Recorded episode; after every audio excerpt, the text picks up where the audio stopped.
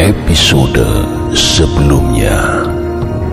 Malam telah tiba ketika seluruh rombongan Ki Ageng Manggir berkumpul menjadi satu di pos pertahanan yang dibuat oleh Ki Jodok. Wajrapani telah memerintahkan 20 petarung ulau putih di bawah pimpinan Wukir merayap pelan menembus kegelapan bersiap menyerang tempat rombongan manggil berada.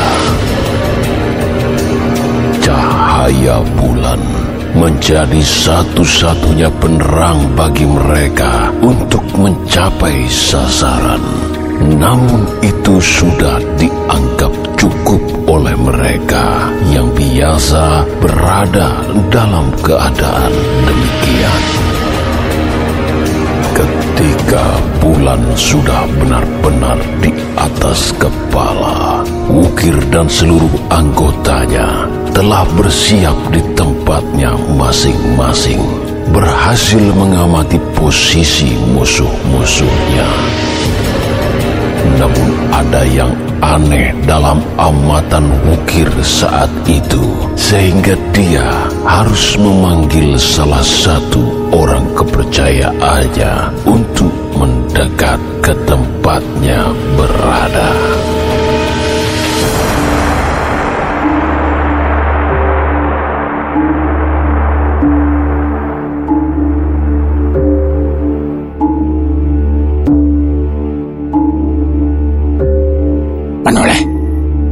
Aku melihat sesuatu yang ganjil dari mereka. Apa kamu juga demikian? Iya, Kakang.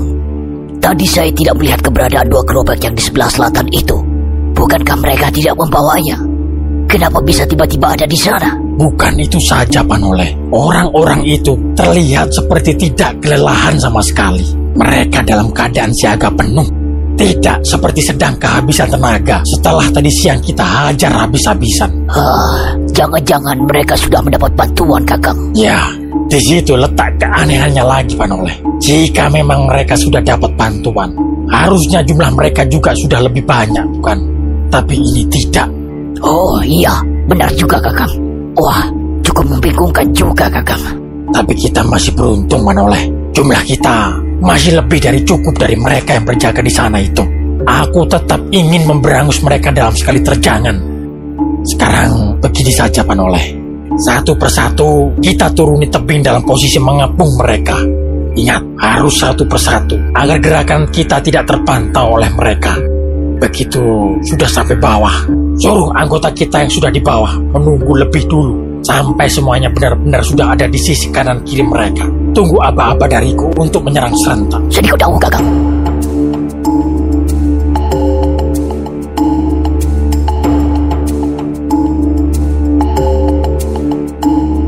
Satu persatu dengan perlahan 20 anggota ulo putih menuruni tebing mendekati sasaran. Gerakan mereka sangat berhati-hati hingga tidak ada satupun tanah atau kerikil yang jatuh ke bawah.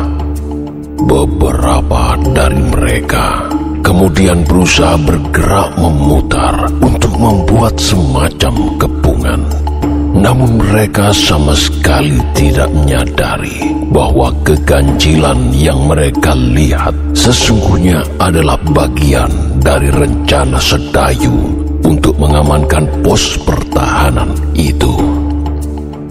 Sebuah celah gelap dan tak terjangkau pandangan mata menjadi tempat Patal memantau sekeliling tempat tersebut.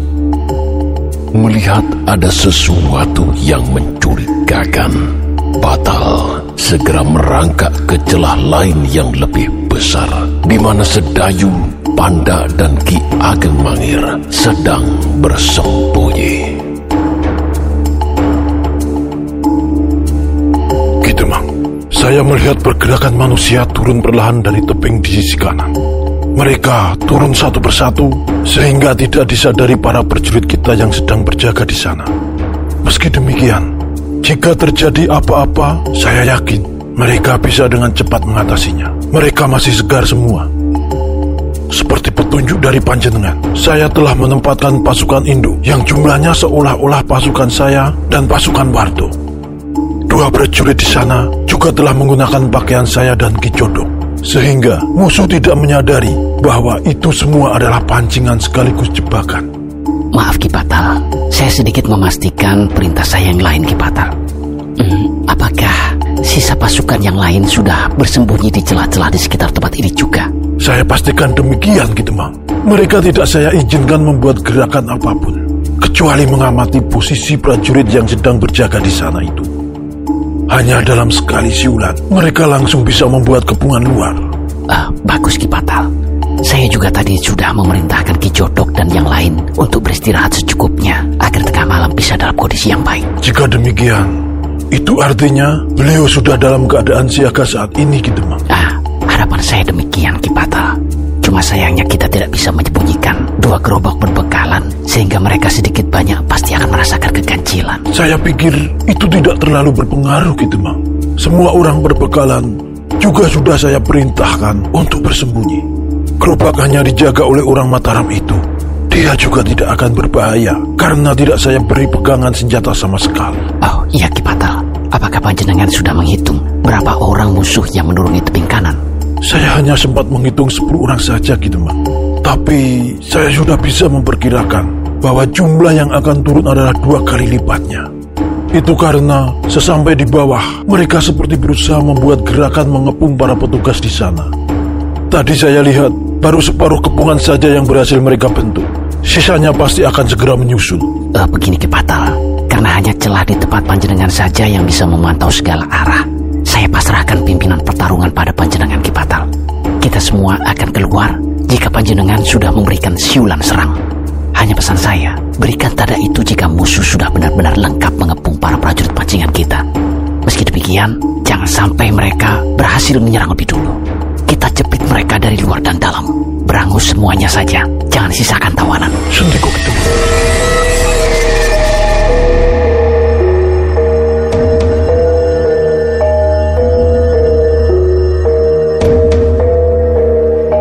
itu. kembali merangkak ke celah tempatnya memantau.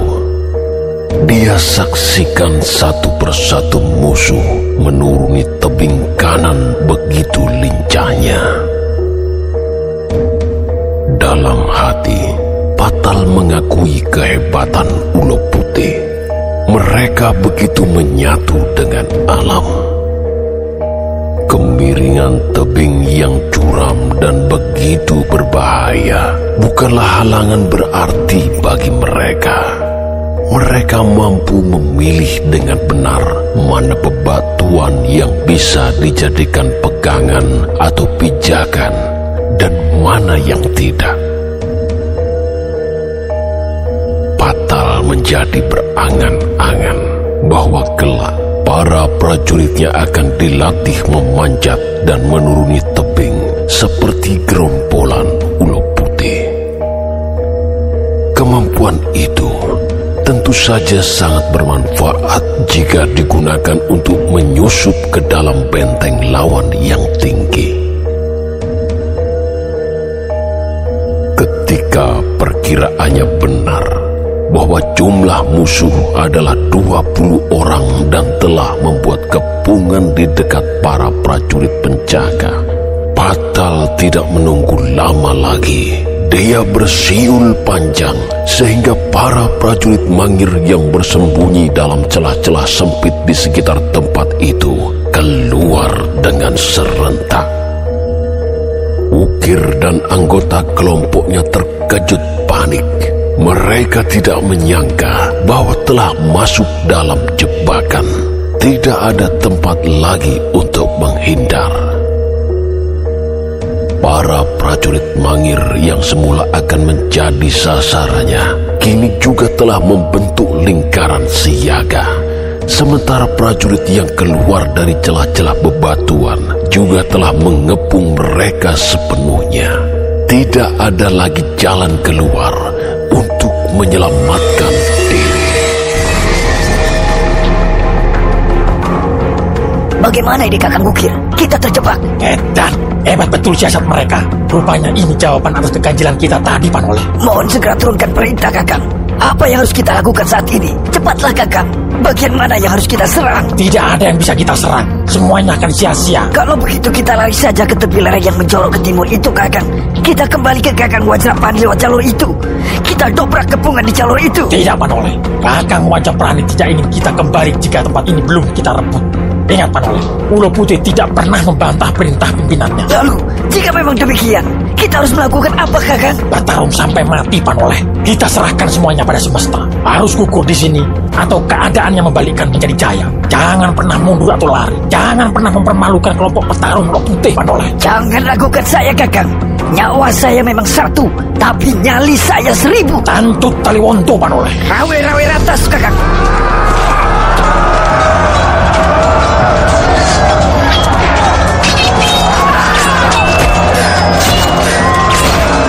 Bersamaan dengan serangan serentak para prajurit mangir dari segala sisi, 20 anggota kelompok Ulu Putih melawan secara luar biasa. Mereka mengamuk bak banteng ketaton, tak membiarkan ajal datang dengan mudah.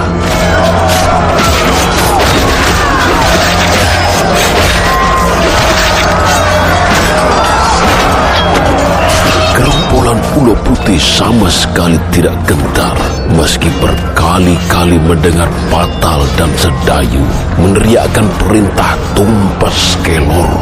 Jumlah mereka memang tidak imbang. Terlebih para prajurit bangir yang dikerahkan kala itu adalah orang-orang pilihan yang sudah digembleng sedemikian rupa.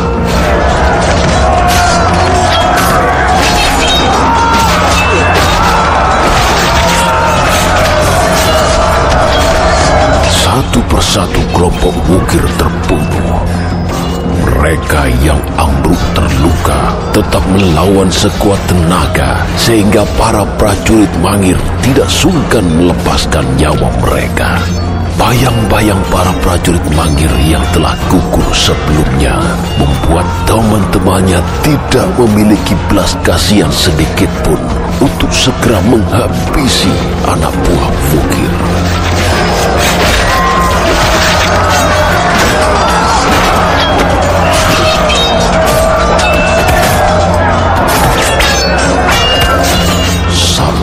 Bulan mulai bergeser dari atas kepala, Wukir, Panoleh, dan seluruh anggotanya telah terbunuh. Tak terdengar satupun nafas mereka yang tersisa. Anyir darah menebar dalam sapuan angin, memadamkan segera api amarah siapa saja yang terlibat dalam pertarungan malam itu. Hebat sekali perlawanan orang-orang ini gitu, Bang. Benar Ki Patal. Dalam keadaan luka berat pun, mereka masih melawan sekenanya. Perkiraan saya benar gitu, Bang. Mereka berjumlah 20 orang ditambah pimpinannya yang jasadnya hancur di sana itu. Jika keterangan yang diberikan Wirosono itu benar, maka sisa kelompok mereka sudah jauh di bawah kekuatan kita. Meski demikian, kita tetap harus berhati-hati Ki Patal. Masih seperti yang dikatakan si Wiryosono, Pulau Putih memiliki lima anggota sepuh yang mendampingi orang bernama Wajrapani. Kita harus waspada karena tidak tahu mereka ini memiliki kemampuan yang bagaimana. Benar gitu, Bang. Saya juga telah memperingatkan yang lain agar tidak lengah dengan kemenangan ini. Oh ya Ki Patal, apakah panjenengan sudah menghitung berapa prajurit kita yang gugur? Atas kesaning Gusti Kang Murbeng Jagat, sama sekali tidak ada gitu, Bang. Memang ada beberapa yang terluka, tapi tidak terlalu parah. Mereka juga sudah menangani lukanya sendiri dengan obat-obatan yang dibawa di gerobak berbekalan. Baiklah, kalau begitu Ki Patal, sekarang mintalah Ki Jodok untuk memeriksa senjata para prajurit yang telah digunakan. Jika ada yang meragukan untuk digunakan kembali, suruh orang Mataram itu memperbaikinya. Dalam pertarungan tadi, senjata orang-orang ulo putih nampak begitu kokoh. Bisa saja benturan yang terjadi membuat senjata kita sedikit oah. Saya ingin persenjataan kita selalu siap digunakan kapan pun juga. Sendiko gitu, Bang. Satu lagi Ki Patal, Jika semuanya sudah dilaksanakan, harap mayat-mayat yang berserakan ini dikumpulkan menjadi satu di suatu sudut yang tidak terlihat. Perlakukan sebaik-baiknya meski mereka musuh kita. Tanpa mereka yang kalah, kita ini bukan pemenang. Saya sendiri akan menemui Ki Ageng dan Ki Demang Panda untuk membicarakan rencana selanjutnya. Sendika dawuh Ki Demang. Semoga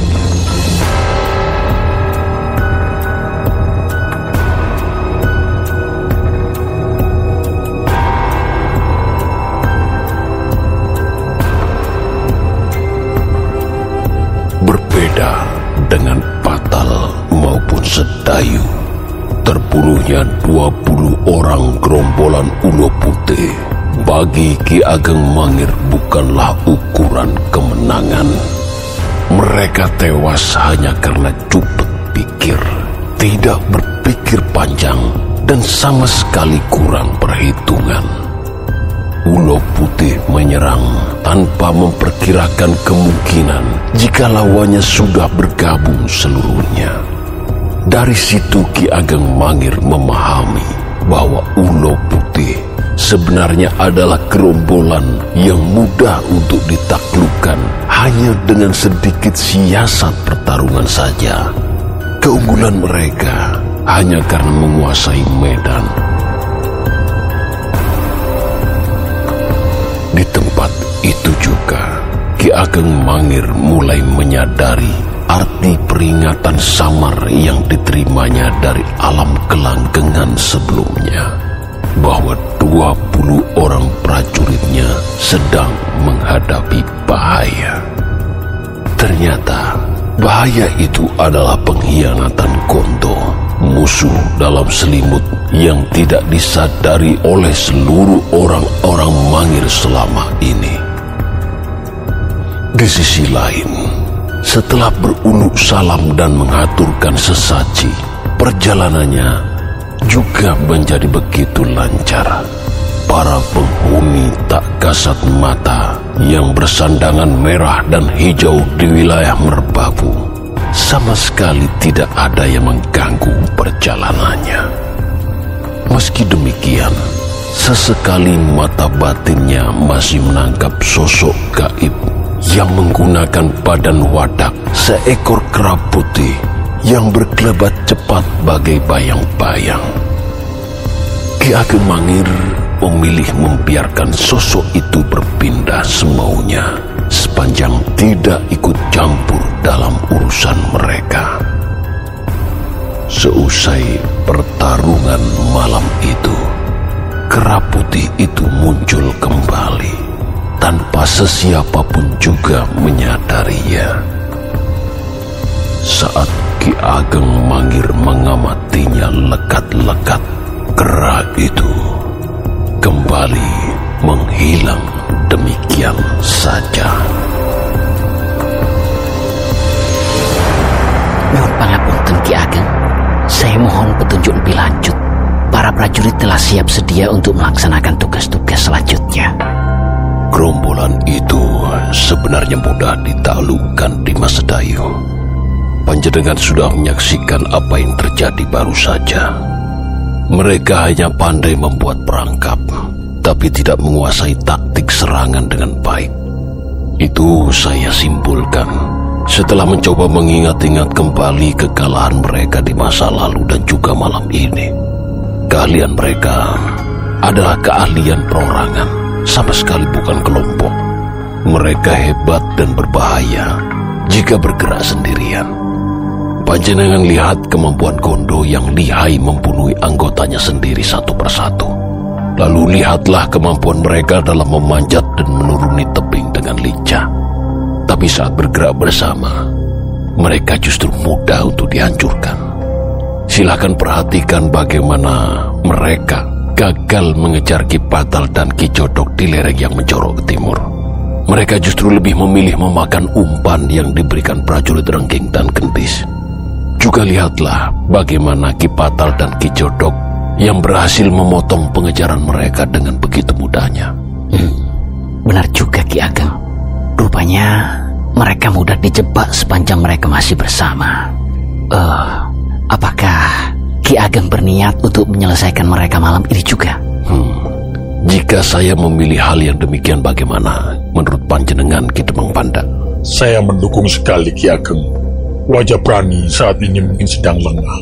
Sangat mungkin dia sedang berharap-harap cemas, menunggu kabar dari anggotanya yang dikirim ke sini. Jika kita memilih beristirahat malam ini dan membiarkan pagi tiba, Wajrapani pasti akan menduga kelompoknya sudah gagal dan segera menyiapkan rencana baru. Menyerang malam ini juga menurut saya adalah pilihan yang cukup bagus. Lalu, kalau menurut panjenengan sendiri bagaimana Dimas Dayu? Saya juga mendukung pendapat Ki Demang Panda Ki Ageng. Jika panjenengan memilih demikian, kebetulan saya memiliki rencana yang mudah-mudahan akan cukup berhasil. Hmm, monggo, sampaikan saja rencana panjenengan itu di Mas Dayu. Begini Ki Ageng, saya dan 10 prajurit akan menuju tepi lereng tempat Wajrapani berada dengan menyamar sebagai orang-orang ulo putih yang telah dikirim ke sini tadi, melepas sandangan dan menggelung rambut. Saya juga akan menggunakan senjata-senjata mereka. Saya akan datang ke sana seolah-olah anggota mereka yang telah berhasil merebut tempat ini. Gelap malam akan menjadi sangat menguntungkan Ki Ageng. Mereka menjadi tidak akan begitu jelas mengamati wajah kami. Saat jarak sudah begitu dekat, kami akan mendadak menyerbu ke arah mereka. Seiring serangan tersebut, seorang prajurit akan saya perintahkan untuk memberi tanda agar panjenengan semua dan sisa pasukan turut membantu kami.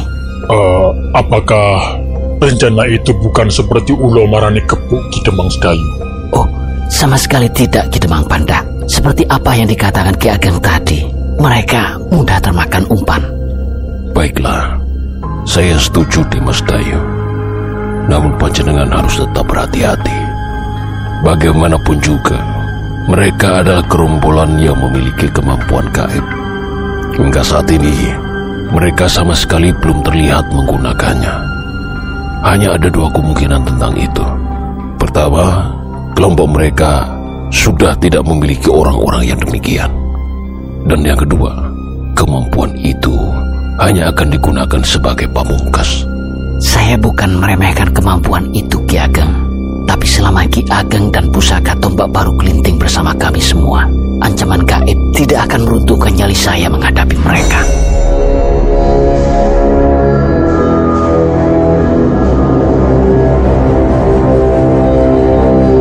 Maka demikianlah. Seusai persetujuan diberikan oleh Ki Ageng Mangir, Sedayu segera mengumpulkan sepuluh prajurit yang dipilihnya sendiri. Mereka melepaskan baju dan menggalung rambutnya menyerupai Wukir dan kawan-kawannya. Dengan langkah mantap, mereka menyeberangi lereng yang mencorok ke timur. Berjalan sesantai-santainya, seakan baru saja memenangkan sebuah pertarungan sengit.